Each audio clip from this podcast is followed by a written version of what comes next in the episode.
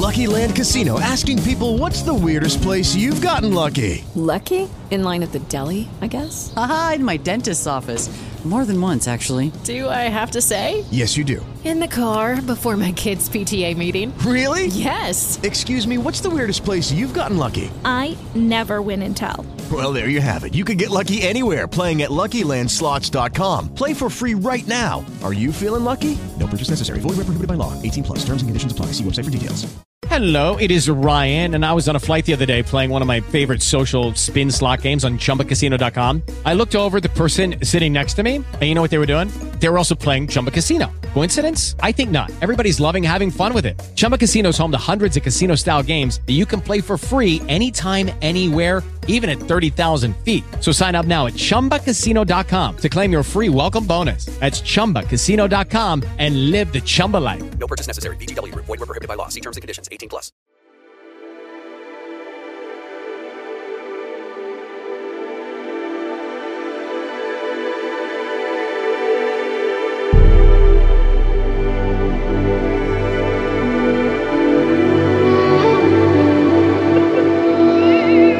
Un viatge per Amèrica. Història, literatura i art.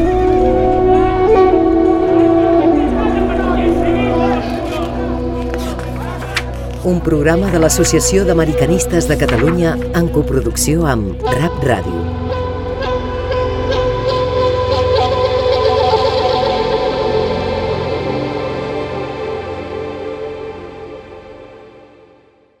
Hola amigos de Radio América Barcelona, bienvenidos al programa Un viaje para América, historia, literatura y arte. Soy el doctor David Tella, presidente de la Asociación Americanistas de Cataluña, y hoy impartiré una charla titulada Nuevas valoraciones del motín de Francisco de Orellana. Asimismo, si nos queréis proponer temas para exponer o contactar con nosotros, podéis hacerlo al correo electrónico asoamecat.gmail.com. Deletreo A-S-O a-m-e-c-a-t Comencem. Bien, pues yo hoy, esta tarde, os mando un saludo desde, desde la zona del Montseny, de, Girona, desde donde estoy emitiendo todos los miércoles.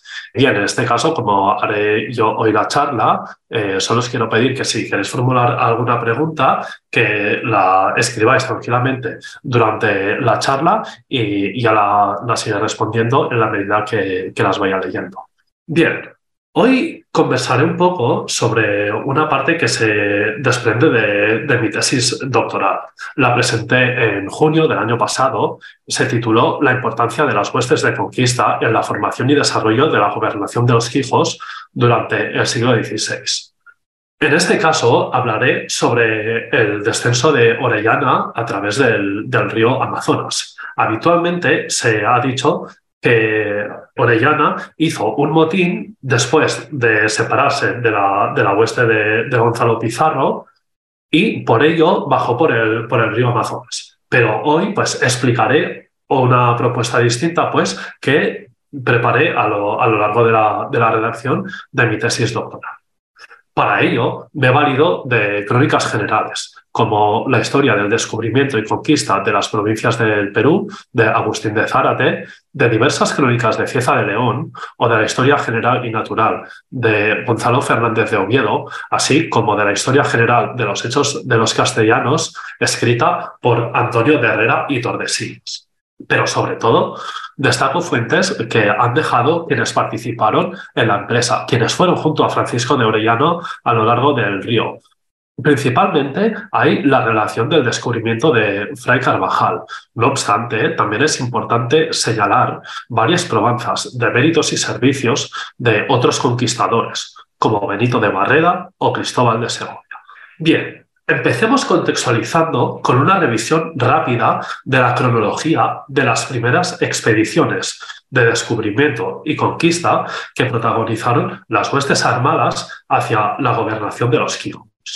Primero, en el marco de la conquista de Quito, en 1534, Diego de Tapia encabezó un grupo de conquista que salió de Píllaro, ¿de acuerdo?, donde estaba sentado el real de Benalcázar, pasó por Quito y se adentró interpreto que ligeramente, a la región de los Quijos, siguiendo las órdenes de Sebastián de Benalcázar, tras el cacique indígena Rumiñahui, quien defendía toda esa zona de la conquista de los castellanos. En el mismo año, Juan de Ampudia fue nuevamente al oriente, tras el mismo cacique. Y también he localizado una expedición dirigida por Miguel Muñoz, en este caso entre 1534 y 1535. Esta expedición ha tenido algunos problemas de, contextualización. El siguiente paso hacia los Quijos lo vemos entre finales de 1538 y principios de 1539, cuando Gonzalo Díaz de Pineda realizó una expedición que salió de Quito y se adentró a la región de los Quijos. Llegó hasta el volcán Zumaco y regresó. Consecuencia de esta expedición, se extendió el rumor que en el oriente había muchas y ricas poblaciones para conquistar. Lentamente, este rumor se fundió con leyendas doradistas y que asociaban el nacimiento del sol con la existencia de riquezas. Ciertamente, llegó un momento que hacer otra expedición hacia el oriente para confirmar todas estas leyendas era casi casi una obligación. Por ello, entre 1541 y 1543, Gonzalo Pizarro, hermano de Francisco Pizarro y gobernador de San Francisco de Quito, encabezó una hueste hacia el este, con el fin de intentar confirmar la existencia de estas ricas tierras legendarias y también con el fin de aumentar el territorio de la monarquía hispánica, pero sobre todo para incrementar el patrimonio familiar.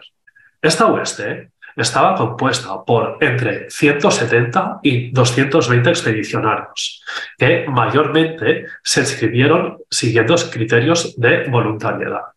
Se cuentan unos 100 jinetes con dobladura o con dos caballos. A su vez, había mil perros, entre 2.000 y 4.000 indígenas, entre 2.000 y 5.000 cerdos y otras especies que completaron la despensa animal.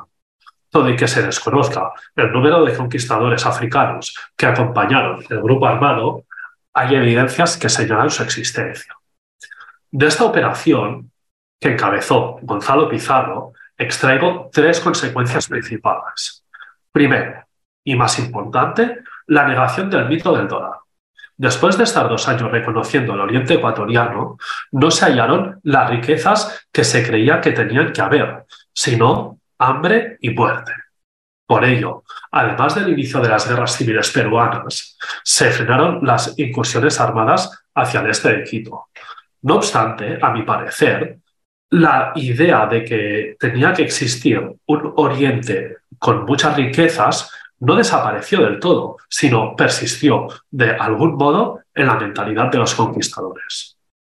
En segundo lugar, es importante tener en cuenta que como los conquistadores no hallaron suficientes recursos alimenticios, la expedición se saldó con un alto número de muertos suelen trascender a, la actualidad y se suele hablar más de las expediciones que tuvieron éxito, de, de las grandes empresas que encabezaron, por ejemplo, Cortés, Francisco Pizarro u otras relevantes. No obstante, el descubrimiento de América eh, se realizó entre hambre, muerte, desconocimiento del terreno y enfermedades hay muchas empresas que tuvieron nefastas consecuencias y esta que encabezó Gonzalo Pizarro es una de ellas. En tercer lugar, y el aspecto que desarrollaré hoy, es que durante la expedición y a causa de la falta de víveres, Gonzalo Pizarro envió a Francisco de Orellana con un bergantín río abajo a buscar alimentos. No obstante, al separarse, siguió río abajo. Las propuestas que se valoran son que después de separarse, Orellana decidió que el río era demasiado caudaloso para volver y por ello siguió navegando hasta el Atlántico, o que tras separarse, Orellana y los que se amotinaron siguieron su ruta independientemente. Ellos querían descubrir estas ricas tierras y quedárselas para ellos. Lo que es seguro es que Orellana y los que iban con él descendieron el Amazonas y llegaron el 11 de septiembre de 1543 a Nueva Cádiz. Antes de seguir, ¿quién era Francisco de Orellana? Orellana fue un conquistador extremeño. nació en 1511 y una vez en América participó en la conquista de Puerto Viejo y en 1537 refundó la ciudad de Guayaquil. Posteriormente, en 1538, recibió el título de teniente del gobernador de Guayaquil. Posteriormente, recibió la noticia que Gonzalo Pizarro estaba preparando una expedición que saldría de San Francisco de Quito y se adentraría a la Amazonía, la expedición que trataremos hoy. En este momento, salió de Guayaquil con un grupo armado, pero al llegar a Quito, donde pretendía unirse a la expedición de Gonzalo Pizarro, halló que el dirigente ya había empezado la empresa. Por ello, se adentró a la selva con un grupo de conquistadores. Entonces, Gonzalo Pizarro recibió la noticia de la llegada de Orellana. Envió al maestre de campo para que le apoyara con víveres y le indicara cómo encontrarse. Cuando se reunieron, Gonzalo Pizarro le encomendó el cargo de teniente general. Sin embargo, la expedición de Gonzalo Pizarro estaba resultando agónica en vez de encontrar las evidencias inequívocas que guiara a los conquistadores hacia el Dorado o hacia la tierra de la canela, esas evidencias que pretendían que les confirmaran esas ricas tierras legendarias, solo hallaron indígenas que defendían su tierra como podían, en un contexto de hambre, enfermedades y cansancio. Era habitual encontramos también muchos otros casos de conquistas de, América y en este caso, como dicen textualmente las crónicas, los indios que llevaban por guías les mentían porque no fuesen a sus tierras o a las de sus amigos y confederados, sino que los encaminaban donde hallaban desiertos inhabitables y padecían grandísima hambre. Con ello, el grupo de conquista vagaba por despoblados, a merced del hambre y del clima amazónico. Ciertamente, pongo de relieve que ello era una medida de resistencia indígena. Ante la dificultad extrema de ganar una batalla abierta a, una, a la hueste conquistadora, motivada por la diferencia en el armamento y en las estrategias, se enviaba al grupo expedicionario a recorrer kilómetros y kilómetros por la selva, orografías difíciles, donde el entorno era incapaz de proporcionar suficiente alimento para un gran grupo armado. Y, lentamente, los conquistadores padecían hambres y enfermedades. La hueste se fragmentaba y se daba más importancia al día a día, a la supervivencia, a saciar el hambre, que a la consecución de objetivos grupales, como podía ser fundar una población o hallar, en este caso, el dólar o la tierra de la canela. En esta coyuntura de hambre, de enfermedades, Gonzalo Pizarro mandó construir un bergantín y encomendó a Francisco de Orellana la misión de descender por el río, hallar alimentos y volver para aprovisionar a la hueste. Vayamos a ver la hueste de Orellana y valoremos el posible motivo. El primer aspecto para tener en cuenta se relaciona con la configuración de la hueste que encabezó Orellana. Estamos ante un grupo de conquistadores que mayormente se articularon en Quito, bajo las órdenes de Gonzalo Pizarro, y este tenía que delegar el mando del grupo que iría a buscar víveres a otro conquistador. El elegido fue Francisco de Orellana. Aquí, las fuentes no dijeron que los expedicionarios fueron con Orellana voluntariamente, ni que Gonzalo Pizarro les envió con Orellana. Tampoco evocan un sistema de bandera, sino Fray Carvajal quien también descendió el Amazonas junto a Orellana y escribió la relación del descubrimiento basado en sus vivencias y en sus intereses, dijo literalmente que Orellana tomó consigo a los demás expedicionarios.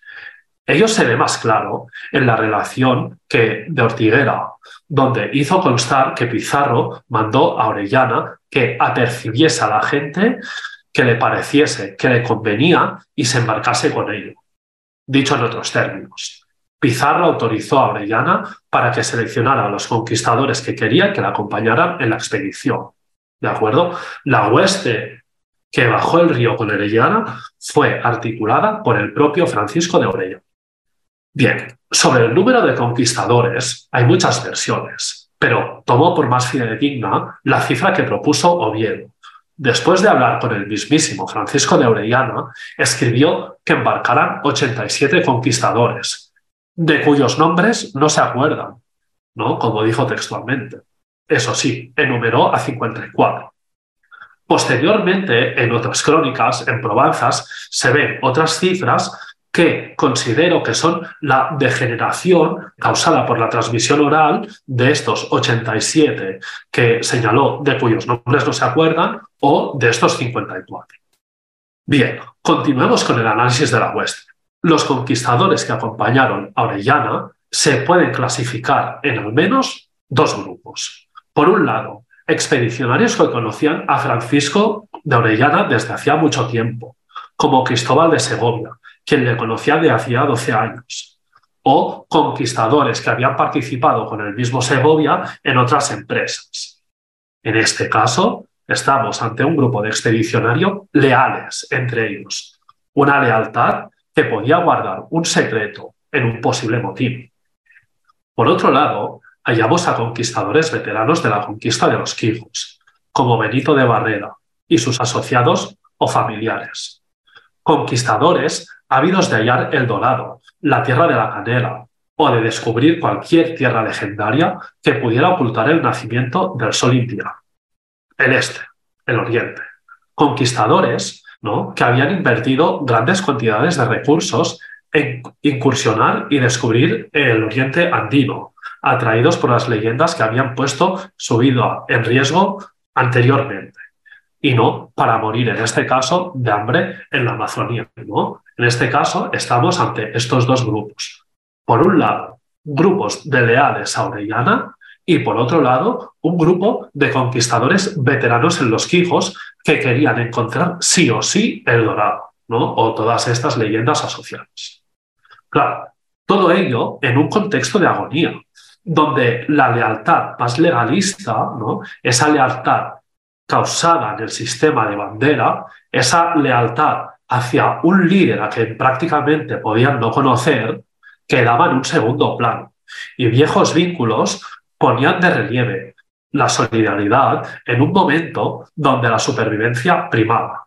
O si no, se forjaban lealtades forzosas entre estos conquistadores que había en la propia oeste interpreto que entre estas lealtades forzosas era donde se empezaba a criticar la, mala dirección de un líder, como Gonzalo Pizarro, quien en ese caso estaba más cegado por la avaricia que por tener interés en guiar a la hueste a, la consecución del, botín, de unos objetivos lógicos, ¿no? Estaba guiando a su hueste a la muerte por inanición.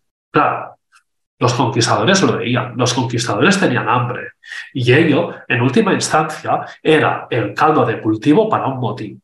¿no? Un motín como los que tanto ha habido en la conquista de América. Véanse los inicios de los, de los hechos eh, de Cortés o véanse los inicios de, de, la empresa de, Pizarro que terminó con la captura de, Atahualpa. ¿no? Veamos, Zárate notó que Orellana se fue dijo textualmente, casi amotinado y alzado. De una manera más o menos parecida, Herrera, tiempo después, dijo, fue cosa digna de mucha admiración que estos soldados, con la desesperación, no diesen en algún motín y, por tanto, fue más loable su constancia. Incorrecto, ¿no? Herrera se equivocó un poco.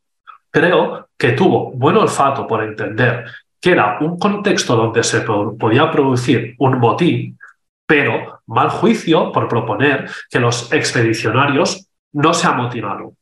Sigámoslo viendo. Carvajal, ¿no? quien ya he dicho que sí que estuvo presente en, la, en, la, en el descenso del Amazonas, sí que hizo ver que algunos conquistadores pensaban no continuar y volver. Dicho de otro modo, pensaban en amotinarse. Sí que existía esa voz de motín en la hueste de Gonzalo Pizarro, y Carvajal la hizo notar. En este caso, interpreto que Orellana se aprovechó del descontento hacia Pizarro y de esas voces de motín y embarcó conquistadores con quienes sabía que se podía ir contra la autoridad de Pizarro para dejar atrás la gran hueste que tenía dificultades para alimentarse, seguir adelante con el bergantín y ser los primeros en confirmar la leyenda del dorado, sin tener que repartir ni las provisiones que podían hallar ni el ansiado botín. Claro, de validarse esa propuesta, se podría concluir que la expedición de Orellana fue un botín desde el punto de partida. Otro elemento de sospecha es que se considera que tras separarse del grupo de conquista de Gonzalo Pizarro, Francisco de Orellana se reunió con la nueva hueste que él mismo había formado.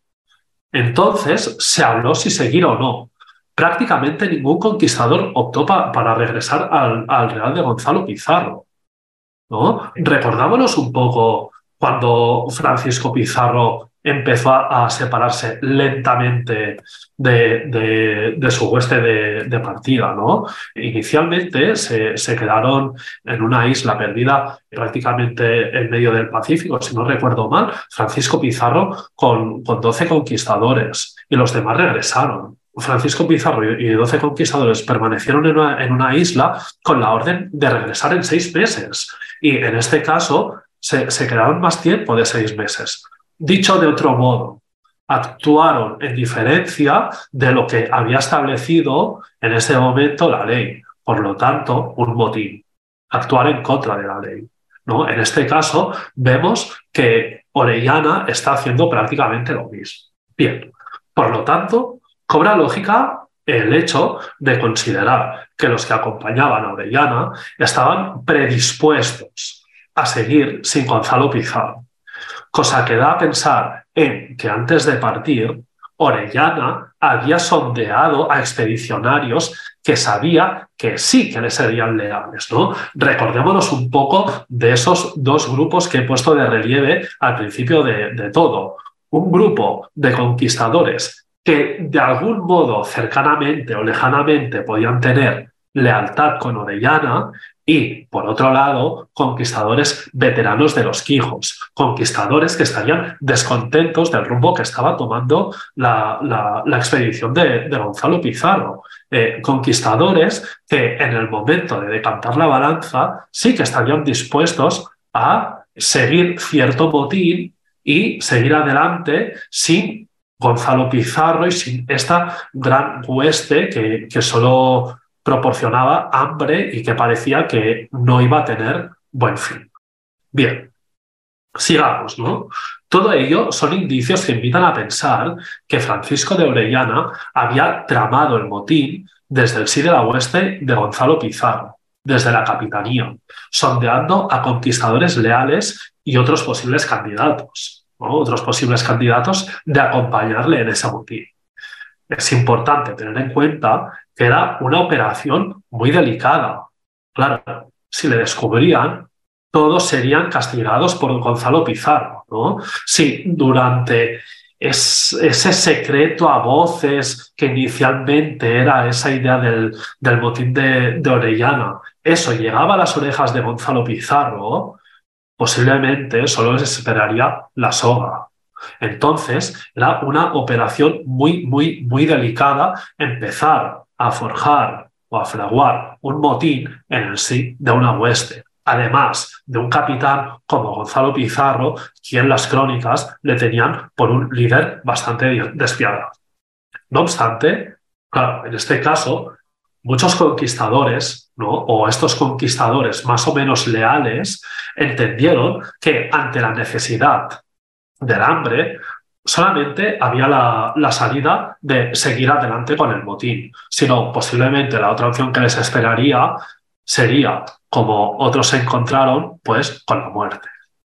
Además, realizar el motín, tanto antes de salir de la expedición como después, conllevaba otro elemento bastante importante, que no era ni más ni menos que enemistarse con la prestigiosa familia Pizarro.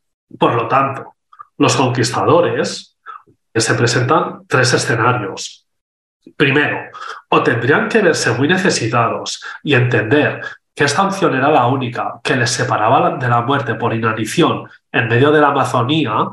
Segunda opción, tenían que considerar que podían hallar un botín que les equiparara o superara en poder y en riqueza a los Gonzalo Pizarro. O tercera opción, ambas. ¿no? Un poco la, idea esa de salir hacia adelante. Tengo, tengo un problema y la única manera de solucionarlo es haciendo un gran salto, que en este caso era el motivo. Desafortunadamente, las cosas no le salían muy bien a Orellana. Inicialmente encontró poblaciones que se defendieron eh, ante la llegada de, este bergantín, de estos conquistadores que solamente actuaban mediante ataque y saqueo hacia poblados. Por lo tanto, conseguir alimentos resultó una tarea muy difícil. Orellana y los conquistadores que la acompañaban tuvieron que valerse de su pericia militar con arcabuces, ¿no? en los casos que pudieron utilizarlos a causa de la pólvora humedecida por el clima, ballestas, espadas, dagas y otro tipo de, armamento que podía acompañar a la oeste. Ante números ingentes de indígenas armados, pasaron por lluvias de proyectiles, otros conflictos armados, ¿no? la estrategia mayormente solía ser disparar a las cabezas que parecían dirigir la, defensa. Parece que resultó una estrategia especialmente eficaz, pues ante eliminar uno de estos líderes, los demás indígenas solían retirarse y ello en algunas ocasiones solía representar el saqueo del, del poblado. No obstante, descendieron el río entre ataques, hambre, hambre, hambre, mucha hambre y enfermedades, muchas enfermedades. Los poblados no eran habituales. Los conquistadores se tenían que alimentar con todo tipo de animales, animalitos, ¿no? valiéndonos con palabras de las crónicas, sabandijas que el río proveía. En este caso, en los momentos más apurados, los conquistadores tenían que hervir sus ropas, las suelas de los zapatos o las fundas de las armas para llevarse algo al estómago. Bien, entre todas estas penurias, los conquistadores consiguieron llegar a Nueva Cádiz. Algunos conquistadores regresaron a Quito, otros permanecieron en Nueva Cádiz y Orellana también se fue finalmente hacia la península. Bien, revisemos si hay alguna pregunta.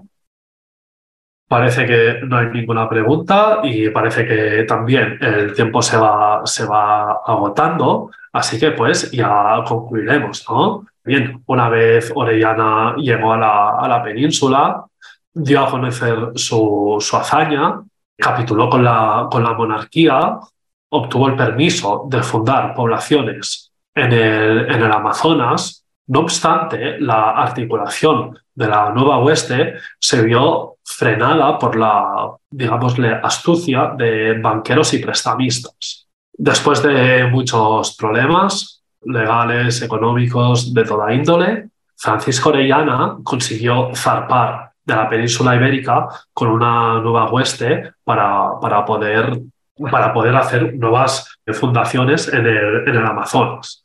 No obstante, desembarcó en América donde esperaba gloria, donde esperaba a ver si por fin podía tener el, fruto de, sus movimientos, podía tener el, fruto de, ese motín que hizo ante Pizarro, podía eh, obtener ese poder que buscaba que quizá pudiera igualarle al prestigio de los, de los Pizarro. No obstante, donde esperaba todo ese poder, donde esperaba gloria, algunos conquistadores murieron envenenados por los proyectiles indígenas, la flota se perdió y finalmente, pues, Francisco de Orellana cerró sus días en el Amazonas, en los brazos de, su esposa, enfermo y despidiéndose de, de Ana de Ayala. Bien, pues, pues con esto hoy me, despido de, vosotros, ¿de acuerdo? Si, si, surge alguna duda, insisto en que la escribáis y la, las vayáis resolviendo en la medida que, que las vaya leyendo, ¿no? Os doy un, un, agradecimiento por, por, por, haberme escuchado, también por, por estar escuchando a los, a los compañeros que han venido antes de, de mí y a, y a los que vendrán en las semanas siguientes.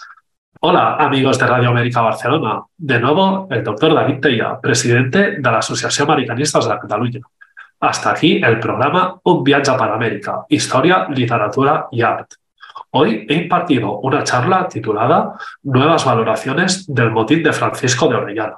Recordad que si queréis proponer temas para exponer o contactar con nosotros, podéis hacerlo al correo electrónico asoamecat.gmail.com Deletreo A-S-O A-M-E-C-A-T arroba gmail.com Fins aviat!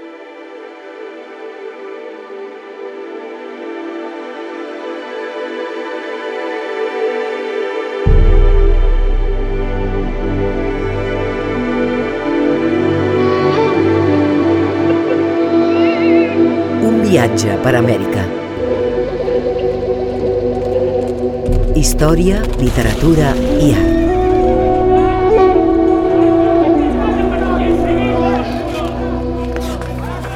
Un programa de l'Associació d'Americanistes de Catalunya en coproducció amb Rap Ràdio.